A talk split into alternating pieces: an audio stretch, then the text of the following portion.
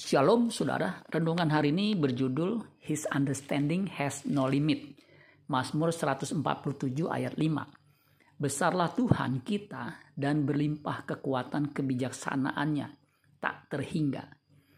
Terjemahan NIV bunyinya begini. Great is our Lord and mighty in power.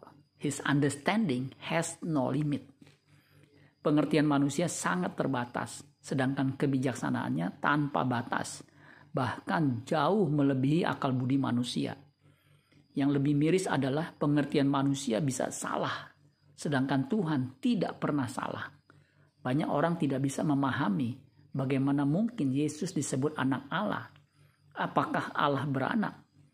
Padahal fakta bahwa Yesus adalah utusan Allah merupakan fakta yang sulit dibantah Yohanes 17 ayat 3, inilah hidup yang kekal itu, yaitu bahwa mereka mengenal engkau satu-satunya Allah yang benar dan mengenal Yesus Kristus yang telah engkau utus.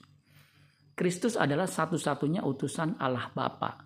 Yohanes 3 ayat 16, karena begitu besar kasih Allah akan dunia ini, sehingga ia telah mengaruniakan anaknya yang tunggal, supaya setiap orang yang percaya kepadanya tidak binasa, melainkan beroleh hidup yang kekal.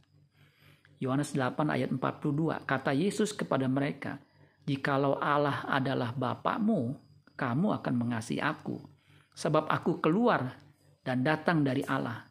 Dan aku datang bukan atas kehendakku sendiri, melainkan dialah yang mengutus aku.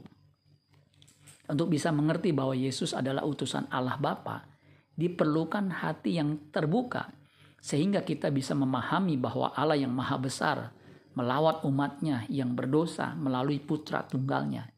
Yohanes 1 ayat 18, tidak seorang pun yang pernah melihat Allah, tetapi anak tunggal Allah yang ada di pangkuan Bapa, dialah yang menyatakannya.